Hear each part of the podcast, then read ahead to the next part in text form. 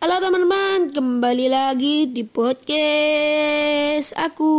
Ya, di podcast kali ini aku akan menjelaskan tentang cara membuat salad alpukat ya. Yang pertama adalah mencampur mayones dengan alpukat. Kita campur dulu yang pertama ya. Kita campur dulu mayones dan alpukat teman-teman.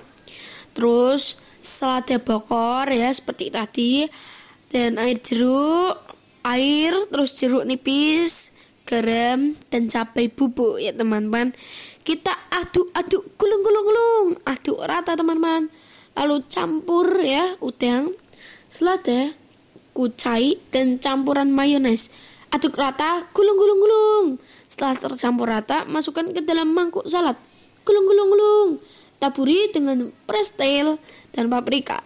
Simpan dalam lemari es, sajikan dengan dingin. Bagi kalian yang pokoknya suka dengan podcast ini, jangan lupa dengerin terus, saksikan terus ya.